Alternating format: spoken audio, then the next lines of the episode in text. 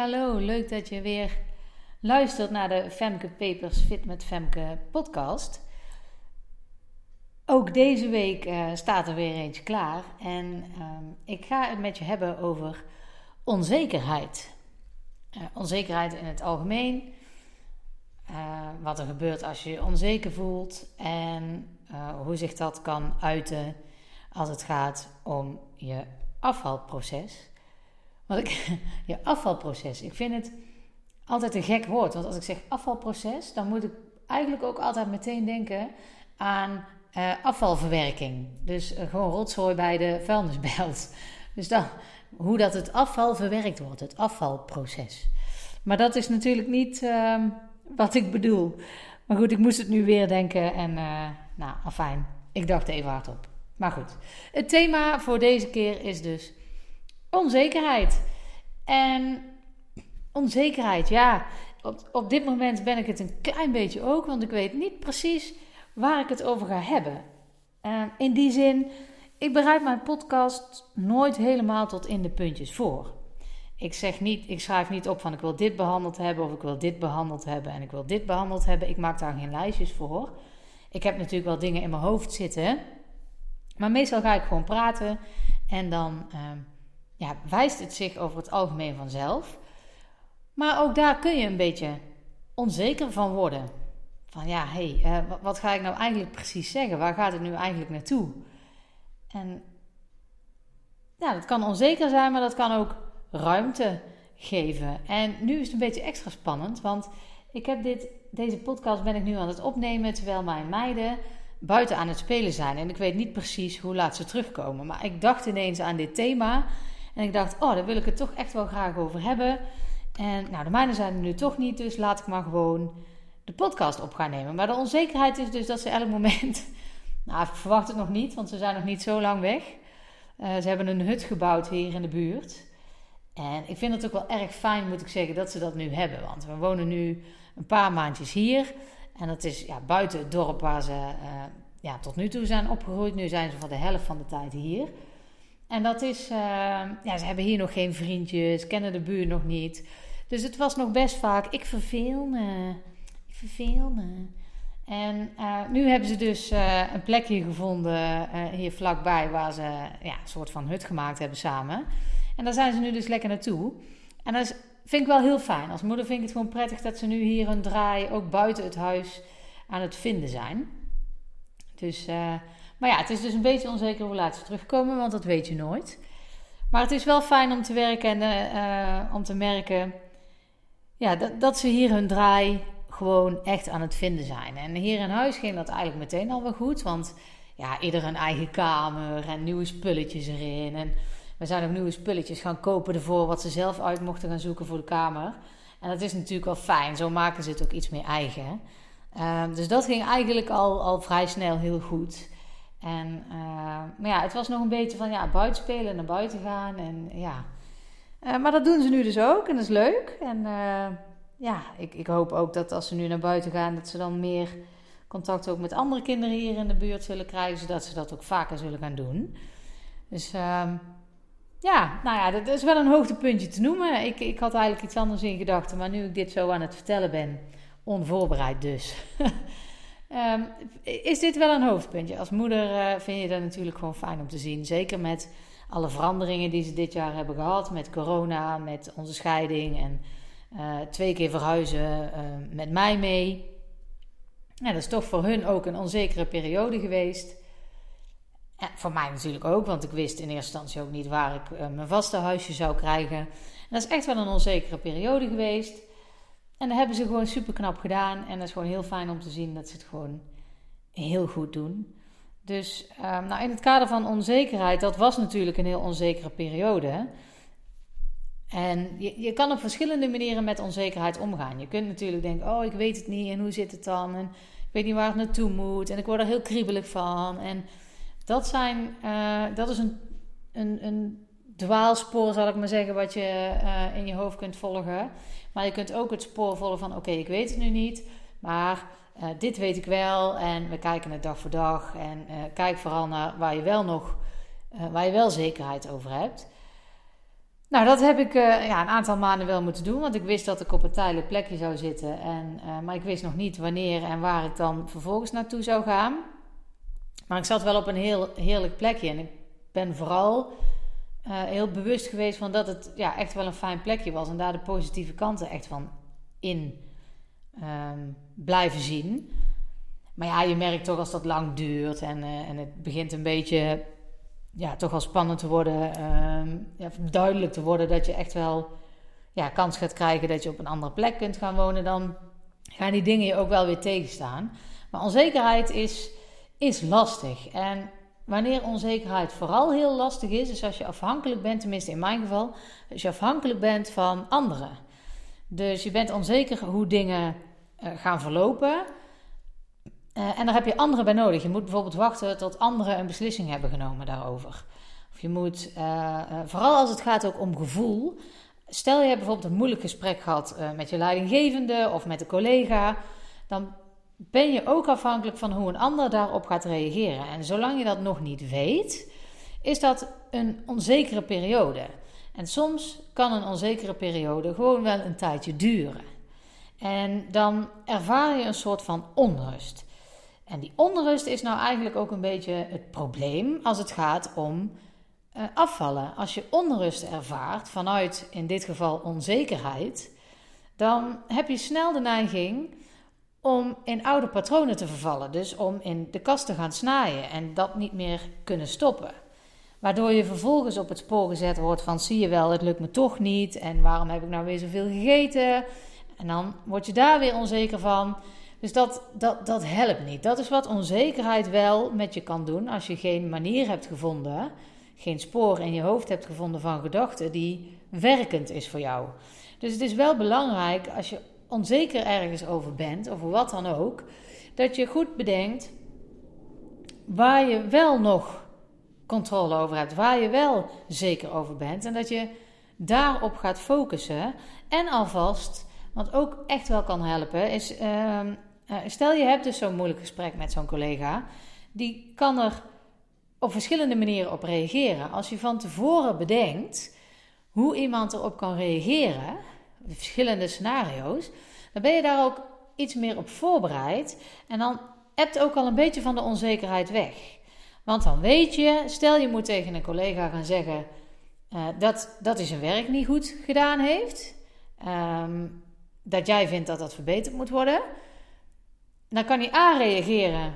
Oké, dat klopt. Laat maar eens even zien uh, hoe wil je het graag verbeterd hebben. Hij kan of reageren, hij of zij, met Oh, dat vind ik helemaal niet. Ben het niet mee eens. Hoe komt het nou dat je dat denkt en boos op je worden? Dat kan een reactie zijn. Of misschien is het wel een collega die dan daar verdrietig van wordt en ook weer onzeker van wordt.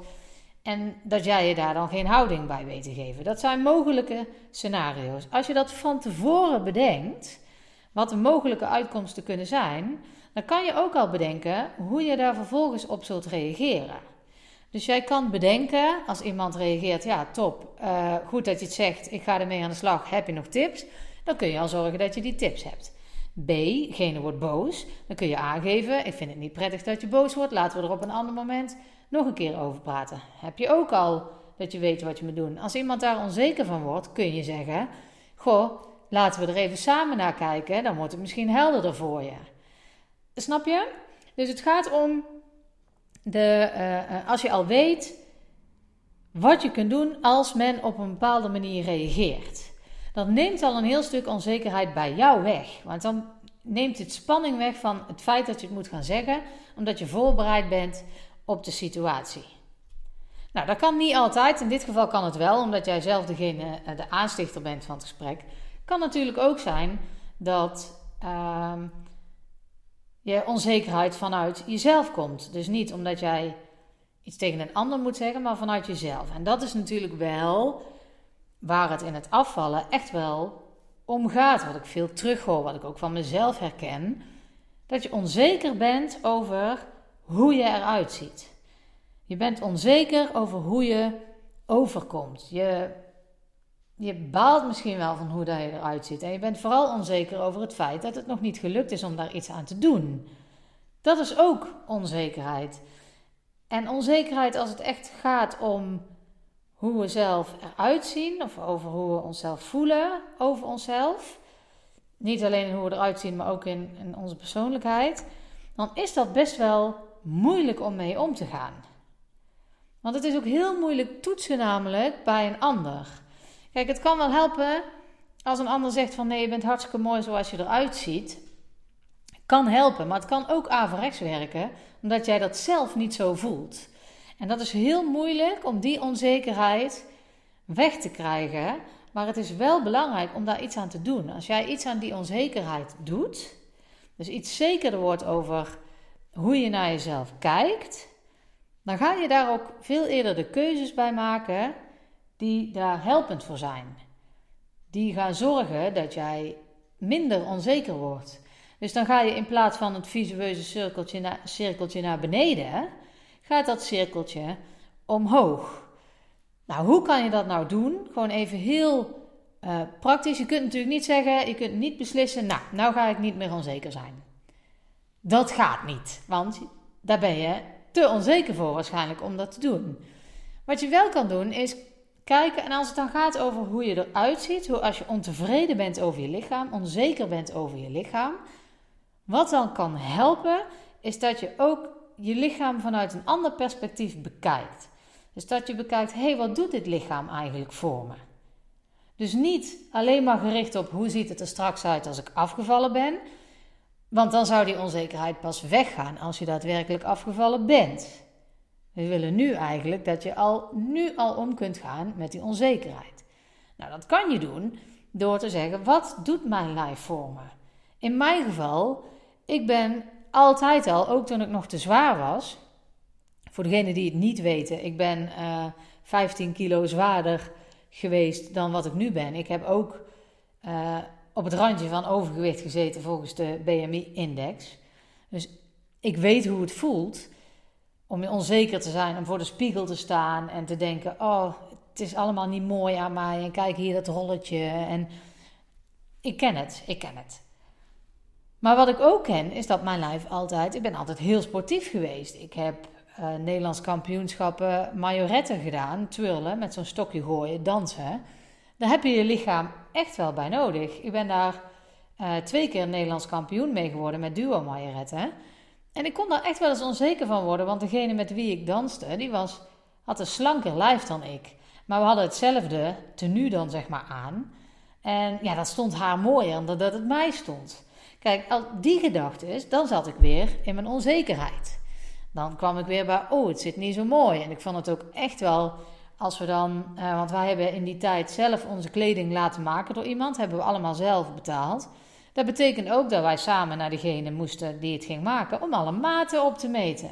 Welke maat jij nodig hebt. Dat is best confronterend.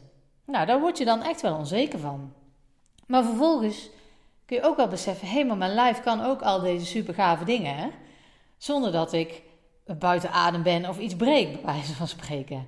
Kijk, bij majoretten is het echt wel uh, snel rondjes draaien, uh, op de grond, van de grond af, netjes in de houding.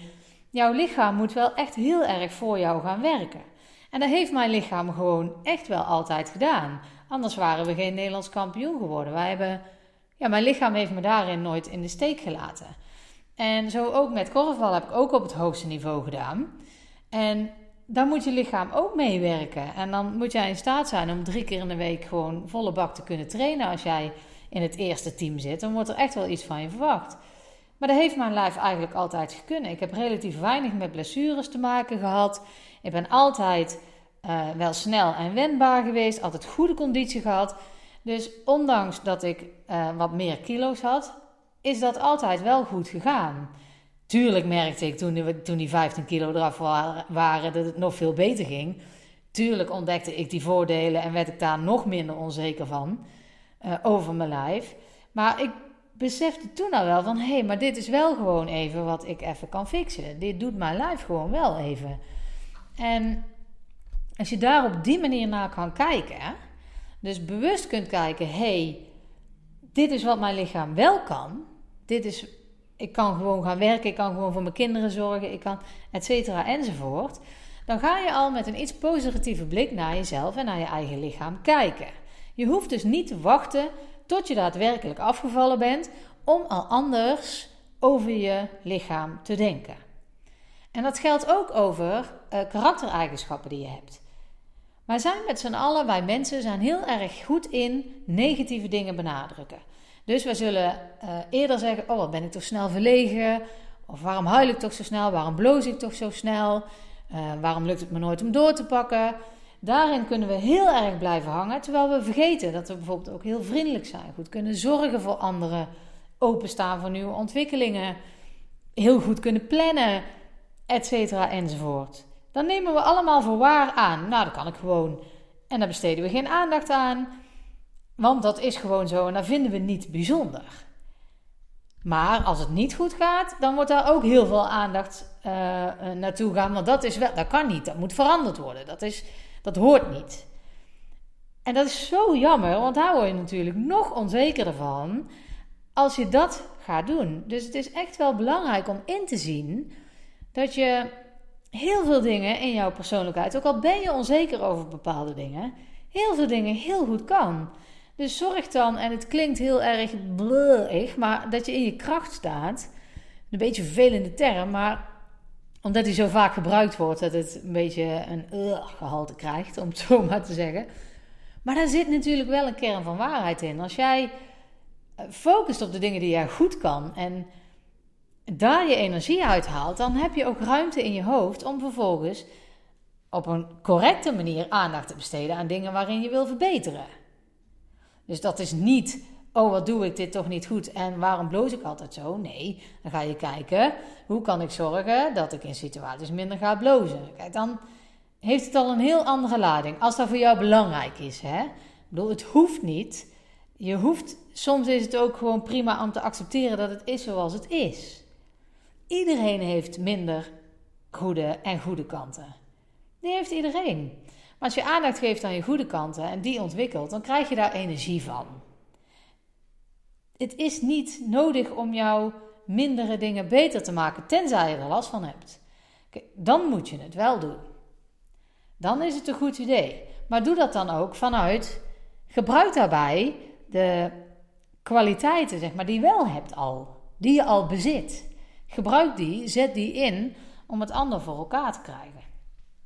Dus onzekerheid over hoe je eruit ziet, maar ook over hoe je van binnen bent, helpt niet als het gaat om afvallen. Je zult jezelf klein gaan voelen en dan is het heel makkelijk om terug te vallen in die oude uh, eetgewoonte van, nou ja, gewoon eetbuien, om te gaan snaaien. Dat is heel makkelijk, want je bent heel zielig en je bent heel onzeker en je zult nooit dun worden en uh, waarom voel ik me daar altijd zo rot over? Ik ben, snap je? dan ga je die onzekerheid voeden. Je wil uiteindelijk, stel je wil uiteindelijk 10 kilo afvallen. Dan ben je onzeker nu over die extra 10 kilo die je meedraagt. Je voelt je daar niet happy bij. Elke keer als je kleding gaat kopen, denk je: oh nee, et cetera enzovoort. Maar als je nu dus al kan bekijken van, maar wat kan mijn lichaam wel, ook met die 10 kilo meer? Wat gaat er allemaal al wel goed? dan ga je veel liefdevoller naar jezelf kijken.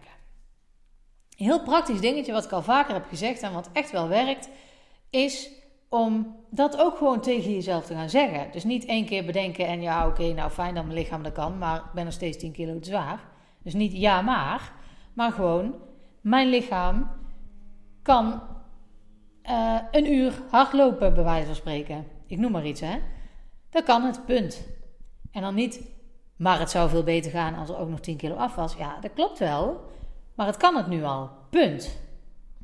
Dus geen verdere redenaties of theorieën tegenaan gooien. Gewoon, mijn lichaam kan dat. Punt. Dit is wat mijn lichaam doet en hoe het werkt voor mij. Tof. Punt. Dat is het. Dat kan je doen. En wat ook helpt, is gewoon tegen jezelf zeggen, gewoon in de spiegel elke ochtend, want daar is waar het wel om gaat. Onzekerheid zit ook een beetje in jezelf niet waardig voelen. Uh, als jij, even weer terug naar die collega, als jij dus uh, onzeker bent over de reactie van de ander, dan kan het ook zijn dat je het zelf niet waard vindt uh, dat jij degene bent die dat moet zeggen, bijvoorbeeld. Als jij in je kracht staat van nou, ik heb mijn punt, ga ik echt wel om het terechte reden maken, dan kom je al zeker erover, dan voelt het al heel anders. Dus in de kern, dus even maar een kort voorbeeldje, maar in de kern heeft het dus echt wel te maken met hoeveel je jezelf waard vindt, over hoe snel jij onzeker bent over alles wat met jou te maken heeft. Daar kan je al heel simpel direct al mee beginnen door in een spiegel tegen jezelf te zeggen: Je bent het waard. Dus dan kijk je jezelf in de spiegel aan en dan zeg je: Je bent het waard. Zeg niet: Ik ben het waard. Mag wel, maar als je zegt: Ik ben het waard, dan kun je nog heel snel denken: Ja, maar dat is niet waar. Maar als je zegt: Je bent het waard, dan neem je iets meer afstand, zodat het makkelijker wordt om het te zeggen. Dan neem je iets meer door het tegen een ander te zeggen, raakt het iets minder aan jouw ongeloof wat je over dat zinnetje hebt. Want je bent het waard is makkelijker om te zeggen dan ik ben het waard als je dat van binnen nog niet voelt. Dus als jij blijft zeggen je bent het waard, gaat dat makkelijker worden om het te voelen en uiteindelijk gaat ik ben het waard dan ook logisch klinken. Maar ga dat maar eens doen. Verwacht niet dat als je dat twee ochtenden achter elkaar gedaan hebt, dat je het al helemaal gelooft en invoelt en dat het uh, door de dag helemaal meewerkt. Zo werkt het natuurlijk niet. Maar je moet wel eens beginnen. En dat is iets heel simpels wat je nu eigenlijk al kan doen om om te gaan met die onzekerheid. En we hebben al vastgesteld dat als je minder onzeker bent, je minder snel de verkeerde eetkeuzes zult maken. Dus sneller je doel zult behalen, waardoor je weer nog zekerder wordt dan gaat het cirkeltje dus omhoog in plaats van naar beneden. Nou, dat was een mooie om mee af te sluiten. Voor ik helemaal af ga sluiten, wil ik het nog even met je hebben over dat je ook extra kunt luisteren naar de podcast. Want als je deze dus heel leuk vindt, kan je ook extra luisteren door uh, trouwe of supertrouwe luisteraar te worden. Dan betaal je 4 of 8 euro in de maand, maar dan krijg je er ook meer voor terug kun je je vragen insturen. Die ga ik dan behandelen. Zo heb ik het de vorige keer over hypnose gehad. En uh, ik heb ook iemand uitgenodigd om een interview te komen doen. Dat wordt nog een beetje lastig om dat vorm te gaan geven, uh, ook coronatechnisch. Maar dat gaat dus komen. Het kan zelfs zo zijn dat jij een keer uitgenodigd wordt uh, om dat te doen. Ook hoor je daar, als er nieuwe ontwikkelingen zijn, hoor je die als een van de eerste. Dus het is zeker wel de moeite om dat te doen. Alleen al omdat je gewoon een extra podcast hebt om naar te luisteren. Een extra aflevering waar je lekker naar kan luisteren als je bijvoorbeeld lekker aan het wandelen bent. Nou, hoe ga je dat doen? Ehm, kijk even bij de aflevering. Zet ik even bij de info hoe dat je dat kan doen. En dan uh, wijzigt dat vanzelf. Nou, dat was hij voor deze keer. Ik hoop dat alles goed met je gaat. Tot de volgende.